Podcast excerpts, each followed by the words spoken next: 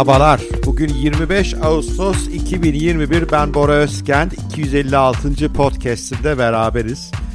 Bugün size bir kıyamet haberinden bahsedeceğim. Kıyamet geliyor galiba. Çünkü insanlar artık kayalara, dijital kayalara üstelik gerçek bir kayada değil. Dijital kayada değil bir çizim.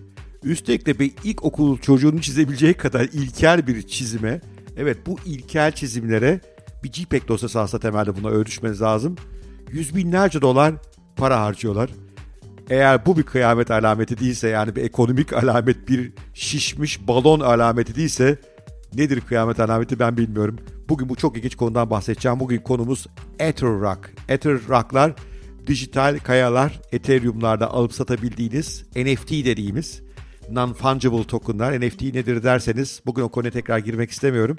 Daha evvel uzunca bir seri yapmıştım NFT'ler konusunda. Oradan inceleyebilirsiniz. Yani temel olarak dijital sanat eserlerinin e, blockchain üzerinde sahipliğini alıp satmak anlamına geliyor.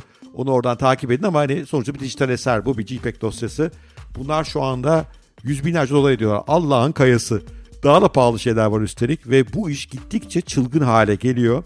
Sadece bir gün önce yani 23 Ağustos itibariyle dönen ticaret, Etherrock değil sadece bütün NFT ticareti 223 milyon doları bulmuş. Akıl almaz rakamlar bunlar. Ne oluyor ya burada diyorsanız öncelikle o daha belki podcast serimi bir evvel dinlememişsiniz onu mutlaka dinleyin. Orada daha temeller iniyoruz. Ama bugün son gelişmelerden bahsedeceğim ve insanoğlunun neye para harcamak konusunda veya harcamak konusundaki tuhaf davranışlarına biraz değiniyor olacağız. İnşallah ilginizi çeker. Hazırsanız yavaş yavaş başlıyoruz.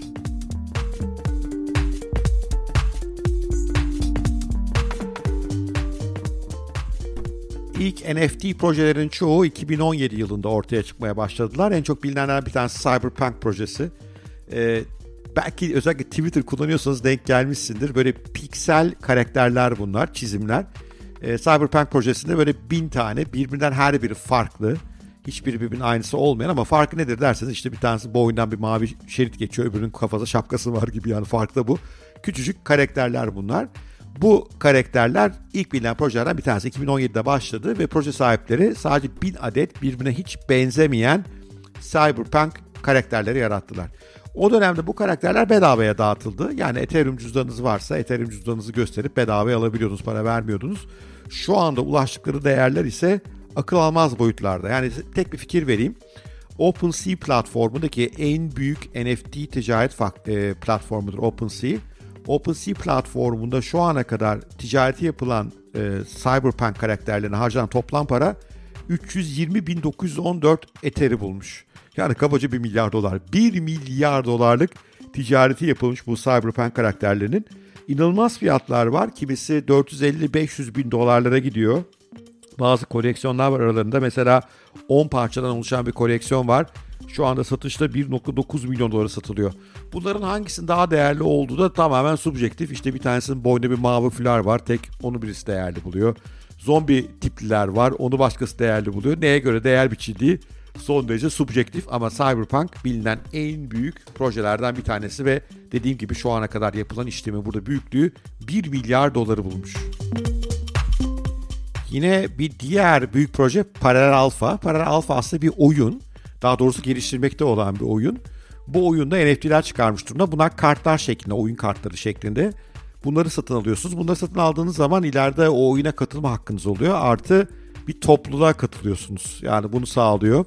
E, oyun geliştirme halinde bu sayede aslında oyunun geliştirmesine fonlamış oluyorsunuz. Yani öyle ilginç bir proje ki ortada oyun yok. Oyunun kartları var. O kartları insanlar erkenden alıyorlar. Böylece ileride oyuna katılmayı, o toplumun bir parçası haline gelmeyi garantiliyorlar kendilerini. Şirkette henüz bitmemiş oyunun finansmanını sağlamış oluyor. Peki burada dönen rakamlar nasıl? Sadece iki gün önce Prime Key isimli kart, bu bir dijital kart, bir NFT kartı tam 475 bin dolara satıldı. Tekrar söylüyorum tam 475 bin dolar. Anormal bir rakam. İleride oynanacak bir oyun içerisinde yer almanızın payı bu. Yine son derece popüler NFT projelerden bir tanesi de Pudgy Penguins. Penguins yani tombul penguenler. Son derece sevimli penguen karakterleri var bu sefer elimizde. 8888 tane üretilmiş bu karakterlerden. yine her zaman olduğu gibi karakterler hiçbiri birbirine aynısı değil. Çok popüler bunlar da şu sıralar ve geçenlerde yine bunlardan bir tanesi 469 bin dolara satıldı. Yani böyle çok proje var. İşte en sonunda da bugün başlıkta ismini verdiğim Ether Rock projesi var. Aslında Ether Rock da çok yeni bir proje değil. Bu kayalar epeydir ortalıkta vardı fakat pek talep görmüyordu. Son zamanlarda çok popüler hale geldiler. Ve bu çizim oldukça ilkel bu arada bunlar. İşte renkli kayalar. E, toplam 100 adet sadece üretilmişler. Bunlar diğerlerinden daha az. Her birinin rengi farklı. Başka hiçbir fark yok. Renklerindeki farklar da birazdan ton farklarına kadar iniyor. Geçenlerde 21 numaralı kayayı 45 Ether'e, 45 Ethereum aldı birisi. Yani 135 bin e, dolar verdi. E, burada da böyle bir delice pazar oluşmuş durumda. Bu araların popüler konusu bu. Şimdi insanlar buna neden para veriyor? Yani bunlar birer dijital JPEG dosyası. Sadece o parayı o JPEG dosyasının sahibinin siz olduğunu ispatlamak için aslında harcıyorsunuz. Ama o dosyayı herkes kendisi indirebilir, kullanabilir. Bunu engellemeniz mümkün değil. Sadece sahibi sizsiniz. Peki insanlar buna neden para veriyorlar? İnsanlar delirdi mi? Şimdi biraz bundan bahsetmek lazım. Çünkü hakikaten dünyanın gelişi hakkında çok ipucu veriyor. Şimdi bir kere bu büyüklükteki paraları bu tip JPEG dosyana harcayan insanların büyük bölümü akıllı fikirli insanlar. Öyle çok aptalca bir iş yaptıklarını düşünmüyorum. Bunların büyük bölümü aslında kripto ticaretinden zengin olmuş insanlar. Yani doğrudan işte Bitcoin, Ethereum alıp satarak Buradan elde ettikleri muazzam serveti ki biliyorsunuz buralarda biri 10, biri 20, biri 30 servet katlayanlar var. Yani inanılmaz paralar kazananlar var. Buradan elde ettikleri serveti Amerikan dolarına veya gayrimenkul gibi altın gibi daha klasik araçlara da aktarmak istemiyorlar ama hepsinde kripto parada tutmak istemiyorlar. İşte orada NFT'ye yatırıma yönlendiriyor onları. Çünkü şöyle düşünüyorlar. Bu NFT ürünleri kıtlar. Bunlara bir talep var. Bunlar popüler konular. E buna ileride değeri daha da fazla artabilir. E, bunun için bu işe hedge fundlardan bile yani geleneksel fon şirketlerinden bile yatırım var. Hatta bu hafta Visa şirketi, ünlü kredi kartları şirketi Visa bile 150 bin dolarlık bir tane aldı. Yani tabii hem böylece reklamını yapmış oldu çünkü bayağı konuşuluyor böyle şeyler hem de ileriye yönelik ya tutarsa. Çünkü hangi NFT'nin değerinin artacağını bilmek de çok zor. Bunlar çok basit çizimler. Yani buna bakıp da ya bu ileride çok değerli bir şey olur demek zor ki zaten sanatta genelde bu zordur. Yani sanatta bu kumar hep vardır. Hangi eserin ileride popüler olacağını bilmek zordur. Ama bu kumarı oynuyorlar. Çünkü şöyle bakıyorlar. Kıt bir şey bu. Değeri artma ihtimali var. O halde ben bu kumarı oynarım. Yani bir bölüm bu işin birazcık da kumara yatkın yatırım severler.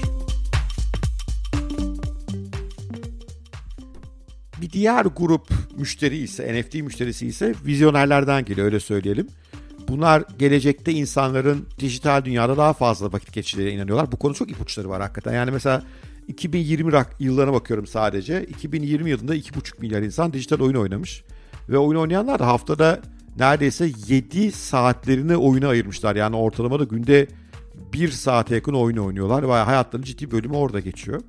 Ve hayatlarının o orada geçen bölümünde de hava atmak istiyorlar. Prestijli olmak istiyorlar. Mesela skin trade diye bir konu var. Belki duymuşsunuzdur. Bu dijital oyunlarda kullanılan işte avatarların kıyafetleri, silahları, kalkanları bunlar alınıp satılabiliyor. Bu konuda çok büyük pazarlar var. 40 milyar dolar civarında şu anda skin trade'in yani bu dijital oyunlardaki aksesuarların alım satımı ki bazı yetenekli insanlar kendi oyun karakterlerinin silahlarını falan kendileri yaratabiliyor.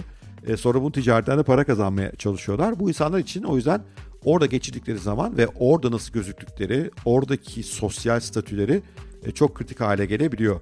Kaldı ki bu sırf oyun dünyasıyla kısıtlı düşünmemek lazım. E, belki takip ettiğiniz Mark Zuckerberg, Facebook'un yani dünyanın en e, etkisi yüksek insanlardan bir tanesi. Çünkü Facebook, WhatsApp, Instagram toplumuna bakacak olursanız etkiledikleri binlerce insan var gerçekten. Milyonlarca, milyarlarca insanın üzerine etkisi olan birisi Zuckerberg. O dedi ki biz Facebook'u bir metaverse'e çevireceğiz. Ne demek metaverse? Büyük bir dijital dünyaya çeviriyoruz. Kendi parası olan, şimdi biliyorsunuz e, artırılmış gerçeklik ve sanal gerçeklik projeleri de var Facebook'un. Bunların da insanların o gözlükleri takıp o sanal gerçeklik, artırılmış gerçeklik içerisinde tamamen sanal bir dünyada, bir evrende işte o yüzden ona metaverse deniyor. Yaşayacakları bir geleceği hayal ediyor Zuckerberg. E orada da işte o sanal dünyada insanlar şık giyinmek isteyecekler güzel arabaları binmek isteyecekler, iyi silahlara sahip olmak isteyecekler. Skin Trade buradan geliyor. Skin Trade'deki skinler de birer NFT tabi. İnsanlar bunu bu amaçla kullanıyorlar. bir diğer kitle de bu işi prestij için yapıyor. E, çünkü aynı bu gamerlarda olduğu gibi illa gamer olmanız şart değil. Başka türlü dijital platformlarda var insanların katıldığı. Bu dijital dünyalarda havadan atmak istiyorlar. Mesela ben Twitter'da çok sayıda hesap biliyorum şu anda. Sahip oldukları NFT'leri profile gömüyor. E, onu gösteriyor. Böylece ne kadar zengin, nasıl başarılı olduğunu göstermiş oluyor. Yani oradaki başarı birkaç boyutlu aslında. Ben bu NFT'yi çok ucuzken aldım ne kadar yükseldi. Bak ben ne kadar akıllıyım. Veyahut da ben bu NFT'ye bu kadar para verebildim. Ben ne kadar zenginim. Veyahut da ben bu NFT'nin değerinin bir gün sıfırlanabileceğini göze alıyorum. Çünkü NFT'lerin değerinin hiçbir mantıklı açıklaması yok. Yani insanlar değer veriyor diye değerliler sadece. Bir gün pekala insanlar ulan bu kaya parçası bu kadar para verilir mi ben deli miyim diyebilirler. Kaya dediğiniz fiziksel değil unutmayın. Dijital iki boyutlu çok ilkel bir çizim bu. Bundan vazgeçebilirler ama o da havalı bir şey. Ben bu kadar parayı buna atabilecek kadar zenginim diyorlar. İşte bunlar da prestij peşindeki insanlar onlar da burada e, kendini ifade ediyorlar ve buradan da pazarlara çok büyük miktarlarda paralar akıyor. Özellikle de dijital dünyada hayatının büyük bölümünü geçiren insanlar e, bu tip prestij noktalarına ne yapmak istiyorlar? Sahip olmak istiyorlar. Bu da pazarı gittikçe büyütüyor. Peki doğru NFT nasıl seçilir? Daha belki bir podcast serimde bunlardan biraz bahsettim. Ama hani bahsettim de ben biraz teorik kalıyorum. Çünkü kendim çok zorlanıyorum açıkçası. Ben de biraz NFT yatırımı yaptım ama şu ana kadar henüz bana piyango vurmadı. Çünkü çok kolay NFT üretmek. Bundan dolayı pazarda milyonlarca çeşit NFT var. Hangisi yürür, hangisi başarılı olmak biraz tespit etmesi zor. Ama temel kriterleri şu. Bir kere bir ürünün e, bu tip e, bir değer kazanabilmesi için temel olarak değersiz olması lazım. Yani e, bu eliflerin temel hiçbir değerleri yok. Kullanılmazlar, yenmezler, içilmezler, hiçbir işe yaramazlar. Çoğu sanat eseri de böyledir aslında. Bunlarda da benzer bir durum var. Ama ama bu değersiz şeyin kıt olması önemli. Az sayıda olması önemli. İşte Ether Rock'tan 100 tane var. Tombul Penguenlerden 8888 tane var. İşte CryptoPunk'tan 1000 adet var gibi. Adedinin kısıtlı olması çok önemli ve hani blockchain üzerinde olduğu için bunun adedinin hakikaten kısıtlı olduğu da garantileniyor. Çünkü biliyorsunuz burada akıllı kontratlar var. E, bunu ünlü birisinin savunuyor olması önemli. Bir rapper'ın savunuyor olması önemli mesela. İşte mesela bu e, NFT'lerden bir tanesinin savunuculardan bir tanesi rapper e, Cardi B diye birisi. Onun savunduğu NFT bu CryptoPunk'larda o da değerini çok artırabiliyor. Ünlü birilerinin buna sahip olmasına. Çünkü onlar bize neyin cool, neyin havalı, neyin iyi olduğunu gösteriyorlar. Ve bunlara sahip olmanın sizi bir topluluğa sokuyor olması lazım. Yani dünyadaki 100 kayadan bir tanesinin sahibiyim ben olabiliyorsunuz. Veya deminki oyun örneğinde verdiğim gibi orada o oyun toplum parçası haline gelebiliyorsunuz. Yani bir şekilde kendinize ayrıcalıklı bir grubun bir parçası gibi hissetmeniz mümkün. İşte bunu başaran şeyler değerli NFT'lere dönüşebiliyor ama bunları baştan bilmek, öngörmek hakikaten son derece zor. Evet, daha belki NFT ile ilgili podcast serime bir ekleme yapmış olduğum günlük gelişmeleri biraz paylaştım. Kripto punklar, kripto işte Ether rocklar, tombul penguenler gırla ortalıkta. Pek çok Türk bu arada e, Twitter kullanıcısı da var. Sadece bunların ticaretiyle artık e, para kazanan. Hatta bir kısım eski kriptocu, e, kripto ticaretten zengin olan insanlar artık kripto işi yapmıyorlar. Sadece bunlarla ilgileniyorlar. Buradaki paranın daha büyük olduğunu düşünüyorlar. Ya bu bir balon mu? Yani elbette balon ama sanat eserleri hep balondur zaten. Kıymetli, değerli olduğu inandığı sürece insanlar ve kıt olduğu inandığı sürece değerlerini koruyabilirler. İleride bir gün sıfırlanabilirlerdi ama onu bilmek çok zor. Yani mesela Bitcoin'in sıfırlanacağını hiç düşünmüyorum. E, çünkü ya çözdüğü bir problem var, bir faydası var dünyaya. Bunların hiçbir faydası yok. Bunların faydası daha insanların bu duygusal yönlerine ve bir diğerinin onu senden daha pahalı alacağına doğru ona inanç. Bakalım neler olacak ben de merak ediyorum. E, aslında bu ilk NFT ile ilgili serimi ben yaptıktan sonra bir düşme yaşadı NFT'ler. Şimdi tekrar çok hızlı yükselişe geçtiler son günlerde. Valla nereye varır işin sonu görmek lazım ama bunlar bir yandan da işte piyasadaki aşırı para bolluğunun ve hemen hemen her varlık kategorisindeki yüksek şişmiş fiyatlarında bir kanıtı. Evet, bugünkü podcast'imizde sonuna gelmiş olduk. Umarım hoşunuza gitmiştir. Eğer hoşunuza gitmişse lütfen bir like, bir yorum nerede dinliyorsanız süper olur. Paylaşmanız süper olur sosyal medyada. Daha fazla insana ulaşırız. Özellikle beni tagleyerek e, paylaşırsanız Facebook, LinkedIn, Twitter, Instagram artık hangisini kullanıyorsanız harika olur. Beni böyle tagleyip paylaşanlardan bazı sürprizlerim de oluyor. Ne bileyim bedava bir mentorluk seansı gibi veya bir kitap hediyesi gibi veya bir sohbet gibi belki ilginizi çeker. O yüzden bir taglerseniz ve paylaşırsanız harika olur. Onun dışında lütfen haddini aş.net'e gelin. Benim E, Haddini Aş web sitem burası. Orada bir ücretsiz e-bültenimiz var. Artı ücretli bir kulübümüz var. Harika bir yer. İnsanların kendini geliştirmesi için süper içerikler sunuyoruz ücretsiz olarak. Veya da kulübe katılsanız daha canlı etkinlikler vesaire yapıyoruz. Orada bütün bilgiler var. Bir gelin bir göz atın. En azından ücretsiz bültene bir üye olun. Eminim çok çok hoşunuza gidecek diye düşünüyorum. Bir dahaki bölüme kadar yani Cuma gününe kadar görüşmek üzere. Sevgiyle kalın, hoşçakalın.